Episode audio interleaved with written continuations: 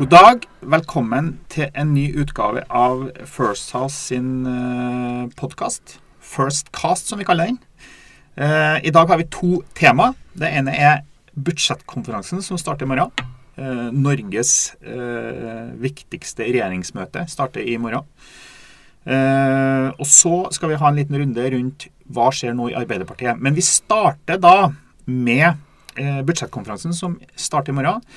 Eh, med oss til å kommentere det, så har vi eh, bl.a. Ole Berge, som har vært statssekretær til Siv Jensen i Finansdepartementet. Ole, er det Norges viktigste eh, møte Nei, unnskyld. Er det det viktigste møtet for regjeringa som starter i morgen? Ja, på mange måter så er det det viktigste møtet både for regjeringa og for Norge. Man legger jo store deler av budsjettet for 2020 allerede nå. Så det er klart at uh, det er mange viktige beslutninger som tas uh, i de tre dagene som denne budsjettkonferansen skal vare. Men hvem er det som, hvis vi starter med det, hvem er det som er på den budsjettkonferansen? Er det hele regjeringa? Det er hele regjeringa, og så er det eh, apparatene eh, rundt eh, statsministeren og finansministeren. Eh, så det apparatene? Hvem er det for noe? Det er bare eh, statsrådene som er i dette møtet fra alle andre departementer. Men fra statsministerens kontor og Finansdepartementet så er også statssekretærer og embetsverk til stede. Ja, Men ikke det er litt urettferdig at uh, statsministerens kontor og Finansdepartementet får ha med seg sitt embetsverk, mens statsrådene må få sitte der alene og kjempe for sine budsjetter? Det er nok mange fagstatsråder som føler det både ensomt og tungt og vanskelig å, å representere hele departementet alene. Eh, men eh, det er jo statsministerens eh, privilegium, sammen med finansministeren, å ha det overordna ansvaret for helheten i budsjettarbeidet. Så det er derfor det er sånn. Og så er det jo sikkert ofte at det er noen bakkanaler som går mellom fagstatsrådene og, og sitt apparat i det enkelte departement, for å avsjekke muligheter for å justere litt på tall og poster og budsjetter og tiltak som man sitter og diskuterer. Ja, fordi at når regjeringas medlemmer kommer, altså statsrådene kommer til budsjettkonferansen i morgen, hva får de da å forholde seg til? Nei, De har jo eh, en blå og en rød perm som er sendt fra Finansdepartementet, som er alle budsjettall og inntekter og utgifter. Og så har de med seg en haug med papirer selv som de har forberedt seg på eh, sammen med embetsverk og øvrig politiske ledelse i departementet før de kommer. Og da har de argumenter for hvorfor de må få enda litt mer penger, hvorfor deres tiltak er viktig for helheten. Og så diskuterer man eh, område for område gjennom tre dager til man kommer frem til en enighet. Og da er noen lei seg, og noen er glad, og noen er frustrert, og noen er lykkelig. Det var noen som sa eh, en gang at, eh, til meg når jeg var Jeg husker jeg fortalte det sjøl når jeg var eh, i regjering, at eh, det var had, Man hadde opplevd at det var statsråder som omtrent kom gråtende ut av budsjettkonferansen. Har du opplevd det noen gang som statssekretær? Nei, jeg har ikke det. Eh, men jeg har opplevd at mange blir fortvila, fordi at eh, fagstatsrådene brenner jo veldig for sine områder. Eh, og så skulle man gjerne hatt mer penger til gode tiltak, uansett om det er på vei, eller til barnevern, eller til miljø, eller til kultur. Eh, og så er det nå engang sånn at det er ikke penger til alt. Eh, stadig strammere i norsk økonomi. Så at frustrasjonen er stor hos noen, det vil det alltid være. Er det, Hvor lenge varer budsjettkonferansen nå? Nei, nå er det jo satt av tre dager denne gangen. Eh, tidligere så har man ofte blitt ferdig på to. Eh, men det er klart at eh, når det har gått fra to partier i regjering til tre, og så nå til fire, så, så kan det ta eh, litt lengre tid enn hva det har gjort tidligere. Når regjeringa da er ferdig etter tre til fire dager, eh, så er det jo ganske lenge til vi som er kall det nå innbyggere i landet her, får se hva slags prioriteringer regjeringa foreslår overfor Stortinget. Det kommer i oktober. Mm. Eh, men så tenker sikkert mange at men det er jo da fortsatt god tid å påvirke statsbudsjettet fra med budsjettkonferansen nå og fram til den legges fram i oktober. Er det riktig? Ja og nei. Eh, store deler av budsjettet legges nå eh, i eh, marskonferansen, som det kalles. Eh, men det er også en siste budsjettkonferanse i august. Eh, og det er jo i utgangspunktet rom for endringer helt fram til eh, det endelig blir vedtatt i regjeringa i august. Eh, men handlingsrommet blir mindre og mindre. Og store deler av budsjettet legges som sagt nå. Det man egentlig gjør fram til august, det er jo å korrigere for nye anslag. Går arbeidsledigheten opp eller ned? Er det noen trygdeytelser som går opp og ned, sammenligna med hva man vet nå? Eh, og så setter man til sides en såkalt profilpott, eh, som er noen eh, få milliarder. hvor man fordeler de endelig i augustkonferansen.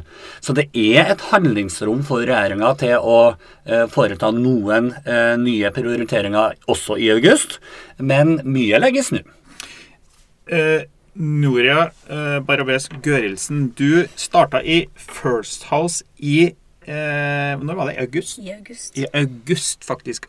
Og eh, august er jo da den siste budsjettkonferansen. Mm. Rett før budsjettkonferansen. Rett før. Og du kom fra embetsverket. Du jobba i Helsedepartementet. Ja. Eh, og før det så har du òg jobba i eh, Helsedirektoratet, altså en underliggende etat. Eh, når starter statsbudsjettbehandlinga for en, eh, en byråkrat, da? Mm. Uh, vi starter jo tidlig. Lenge før papirene kommer på uh, bordet til statsrådene, så starter underliggende etater og virksomheter planleggingen. Når kommer papirene til statsråden? Når, når, når er det statsråden får sine papirer eh, som han skal forholde seg til før budsjettkonferansen i morgen? Når, når starter det? Eh, det Direktoratet f.eks. vil da spille inn til embetsverket i departementet allerede på slutten av sommeren. Uh, Året før. Året før? Året før. Ja. Så det er en lang prosess. Og ja. da kommer eh, Helsedirektoratet f.eks.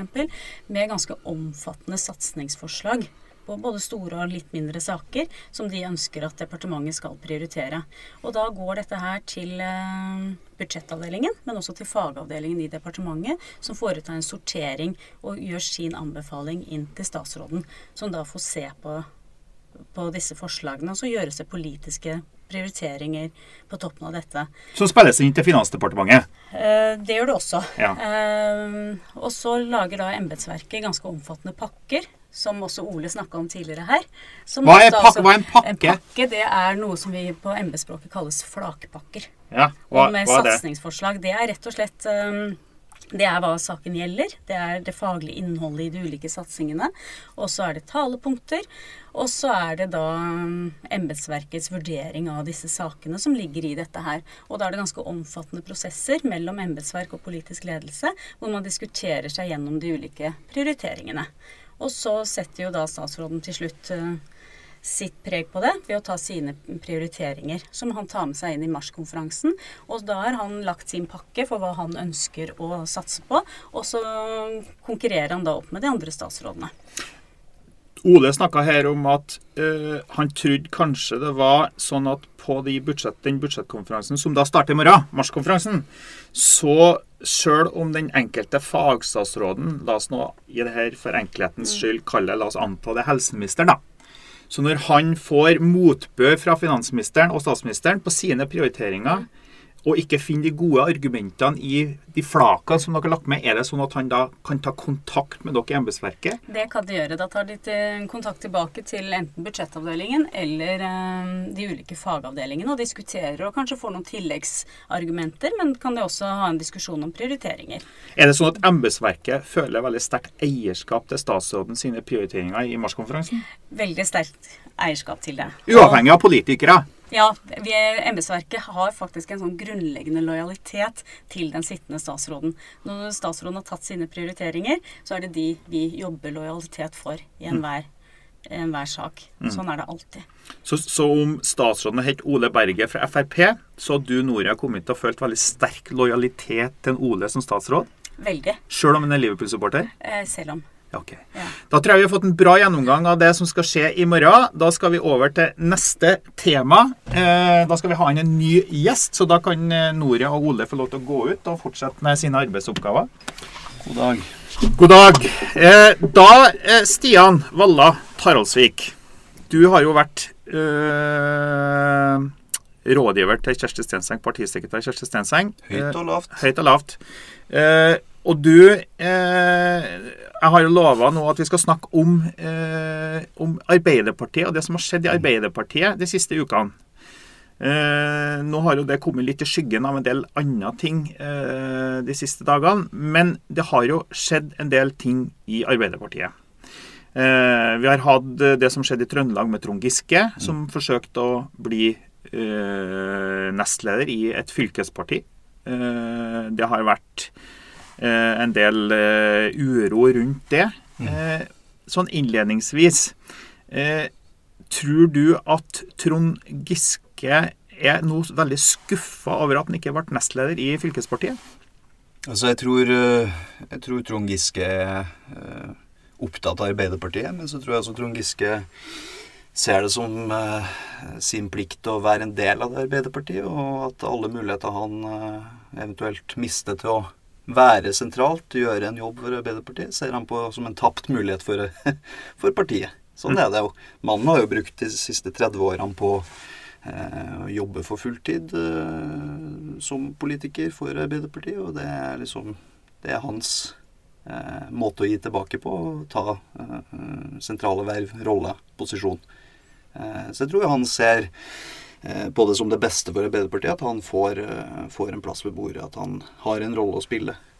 Men er det sånn at eh, Trond Giske eh, Tror du mange i Arbeiderpartiet altså det, det, det, er jo veldig Ofte er det, kan det være litt uklart hvor mange det er. Eh, men er det sånn at majoriteten av Arbeiderpartiets tillitsvalgte, da, jeg tror ikke vi skal snakke om medlemmer, men la oss si tillitsvalgte, kunne tenkt seg Trond Giske i en ledende posisjon i Arbeiderpartiet, sånn som ting er nå? Det tør ikke jeg spå, spå om, Ketil. Det jeg tror at de fleste anerkjenner at eh, Trond er en dyktig politiker. Har vært det eh, både i debatter og eh, gjennom mange år. Og så tror jeg at Trond Giske representerer en type politiker som man gjerne vil se mer av. Og det speiler seg nok på den situasjonen som er i norsk politikk for øvrig, der det er diskusjonssentrum, periferi, eh, der det er eh, hva skal jeg si, en venstredreining i hele den politiske diskusjonen, eh, som egentlig treffer ganske godt og matcher ganske godt med Trond Giskes kvaliteter. Som en fyr som kan snakke et tydelig språk, som kan representere fagforeningene, som kan snakke fra utafra Oslo. Eh, så jeg tror egentlig at det er mer eh, den typen kvaliteter man ser etter flere framtredende politikere som kan ta en plass, være en del av den politiske debatten og, representere Arbeiderpartiet på en annen måte enn det f.eks. Eh, Jonas Gahr Støre eller Hadia Tajik er. Men er, eh, er det eh, riktig å altså Tror du partiledelsen syns det er komfortabelt å ha Trond Giske i en sånn outsider-posisjon som han nå har? Altså eh, Si det litt sånn som, sånn som vi må bare ta dem på, eh, på det de sier fra, fra, ledelsen i Arbeiderpartiet sin side. Vi vil snakke om politikk, vi vil ikke snakke om person. Eh, men jeg tror jo åpenbart at det er vanskelig å ha en ressurs for det. altså Uavhengig av, av det sakskomplekset som felte Trond Giske, så er han jo en ressurs, en ressursperson i, eh, i nettopp i det politiske ordskiftet, i stortingsgruppa, eh, ute blant eh, partilagene. Han har jo en enorm arbeidskapasitet og en evne til å formulere seg som, som mange, mange verdsetter, og som er vanskelig å si at vi ikke trenger en sånn tid hvor Arbeiderpartiet ligger under 30 mm. Det vel det som er å gjøre det litt vanskelig. Hadde man hatt over 40 Klart, så hadde det vært, vanskelig, hadde vært på en måte lett å kalle det seg hermetegn kvitta seg med Trond Giske. Eh, men i og med at situasjonen er så, er, så er det vanskelig å på en måte bare skjære gjennom og, og, og, og kvitte seg. Men eh, det som jeg lurer på, er jo Jeg har jo tenkt mange ganger på det, Stian, eh, at uh, Trond og uh, Jonas, og for så vidt også Jens Stoltenberg, er jo på mange måter litt samme generasjon politikere. Altså Mange tenker jo kanskje at Trond er en, en, en, en ung, uh, ung, uh, fortsatt en ung og lovende politiker. Det kan jo gå til at det skal ikke jeg på en måte karakterisere. Men, men det som er jo realiteten, er jo at Trond Giske er over 50 år.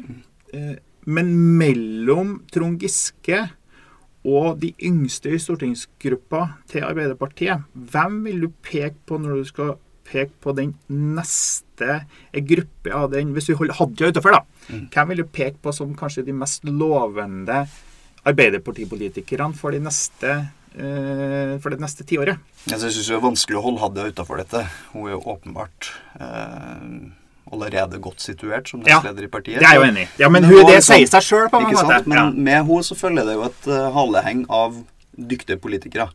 Eh, du har eh, Martin Henriksen, heller ikke eh, noe ungfole lenger. Han er også passert 40. å- hva du forsøker å si? Ja da. Det er en definisjon av ung som er, som er, som er spørsmålet, da. Men jeg syns jo også jeg synes egentlig eh, også den generasjonen av UF-ere som, eh, som eh, er på, eh, på i den aldersgruppa der. Torstein Tvedt Solberg utmerker seg som en Hvor er fra han? Han er fra Rogaland. Ja. Vestlandsalibi. Hvor gammel er han? Nei, det Hvor gammel kan han være? I hvert fall 30? 30. Jeg tror I hvert 30. fall 30. Ja. Eh, og jeg tror også mm, det du ser eh, med Martin og Torstein, har bygd seg opp eh, i sine fylker, henholdsvis i Troms og i Rogaland. Eh, har jo også denne podkasten som er svært vellykka, 'Frihet, likhet, podkast', Mm. eh, som, som jeg tror mange Den kan vi anbefale, kan vi den kan vi anbefale. Ja. Den kan vi absolutt anbefale. Det er en lettbeint og fin måte å få innblikk i Arbeiderpartiet på. Så den, er- den er god, og jeg tror, eh, tror de treffer eh, tidsånden. Og så har du mange flinke damer. Altså, Vi lurer jo på hvor det ble av Marianne Martinsen, men hun er nå fortsatt en del av stortingsgruppa. Fortsatt rivende dyktig. Mm. Eh, Det kan jeg huske. Det er enig. Det er enig. Enig. Eh, og flere til. Det er jo ofte eh, personer som Jette Christensen fra Hordaland som blir trukket fram, som eh, også er mye flinke folk fra Vestlandet, åpenbart. Eh, og så har vi jo sånne gjester som vi har hatt her i eh, podkasten før. Ingvild Kjerkol. Heller ingen eh, ungdomspolitiker, men eh, relativt, relativt nytt fjes i rikspolitikken. Og det representerer noe av det eh, utenfra-perspektivet som jeg tror mange, eh, mange tillitsvalgte, mange medlemmer etterlyser i Arbeiderpartiet. Mm. Før vi gir oss nå, så skal vi bare inn på ett sånn kort tema som vi kunne sikkert ha snakka ganske mye om. Er partiet Rødts framgang et problem? Tror du, når, når du ser for deg Kjersti Stenseng og Hadia og, Jonas Gahr Støre sitter og diskuterer strategier, Mm. er, ser de på Rødt som en mulighet eller som et problem? Altså, eh, Rødt har jo vært veldig tydelig på hvem de ønsker å ha i regjeringskontorene. Men det er klart det er ikke så enkelt som det. Ehm, hva skal jeg si? Rødt representerer jo det at vi har hatt en eh, blå-blå borgerlig regjering i seks år. Eh, og både Rødt og SVs vekst eh, sier jo noe om den politiske dreininga. Og så er det jo klart et problem. Det drar jo hele Arbeiderpartiet i retning venstre.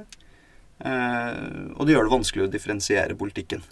Det, jeg, har, jeg lurer litt sånn mange ganger på og det her blir jo bare spekulasjoner, men du ser at det er en vekst i antall medlemmer i LO fra offentlig sektor, mens antallet, antallet som er fra eh, privat sektor, går ned, altså forholdsmessig sett. Eh, Rødt styrker seg, SV styrker seg.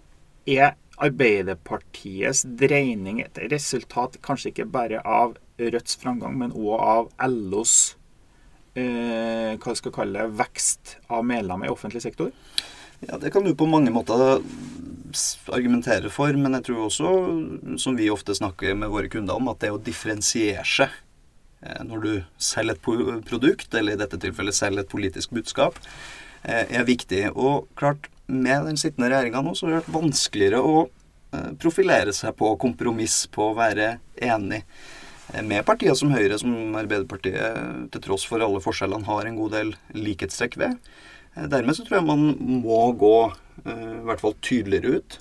Eh, både i retorikk, men også i politiske, politiske vedtak. Og dermed så går man også til det stedet hvor det er mest plass. Jeg tror på venstresida av norsk politikk så er det fortsatt mest plass. Det begynner å bli ganske trangt i sentrum. Mm. Du har Senterpartiet som absorberer mange av de velgerne. Og du har Høyre som ligger der også, og til en viss grad også Venstre og KrF. Sånn at sentrum i norsk politikk er ganske, eh, det er ganske trangt der akkurat nå. Eh, og for Arbeiderpartiet å fange disse eh, velgerne for å komme seg opp på et anstendig nivå, etablere seg på eh, 30-tallet igjen, så tror jeg man ser mot venstre. Så er jo også det faktum at Arbeiderpartiet er jo et eierparti. Man drifter jo kommunale tjenester i over eh, 200 kommuner rundt om i landet, og man skal representere det òg. Så det å gå i krigen for offentlig sektor, eh, for offentlig eierskapsstyring, eh, en eh, hva skal jeg si, ansvarlig eh, pengebruk, eh, det tror jeg er viktig mm, for partiet. Ja. Det tror jeg du har helt rett i, Stian. Eh, Jeg tror vi lar diskusjonen eh, rundes av med det, og så kan vi komme tilbake etter at Arbeiderpartiet har hatt sitt landsmøte. Så ser vi litt da, og prøver å analysere da hva som eventuelt har skjedd og ikke skjedd. Eh, Jeg tror neste podkast som har politisk tema fra First House, kommer til å handle om eh, muligens SV sitt landsmøte. Så innimellom det så er det bare å lytte til uh, våre podkaster og den her. Uh, Ketil Linseth takker for seg, og så høres vi neste gang.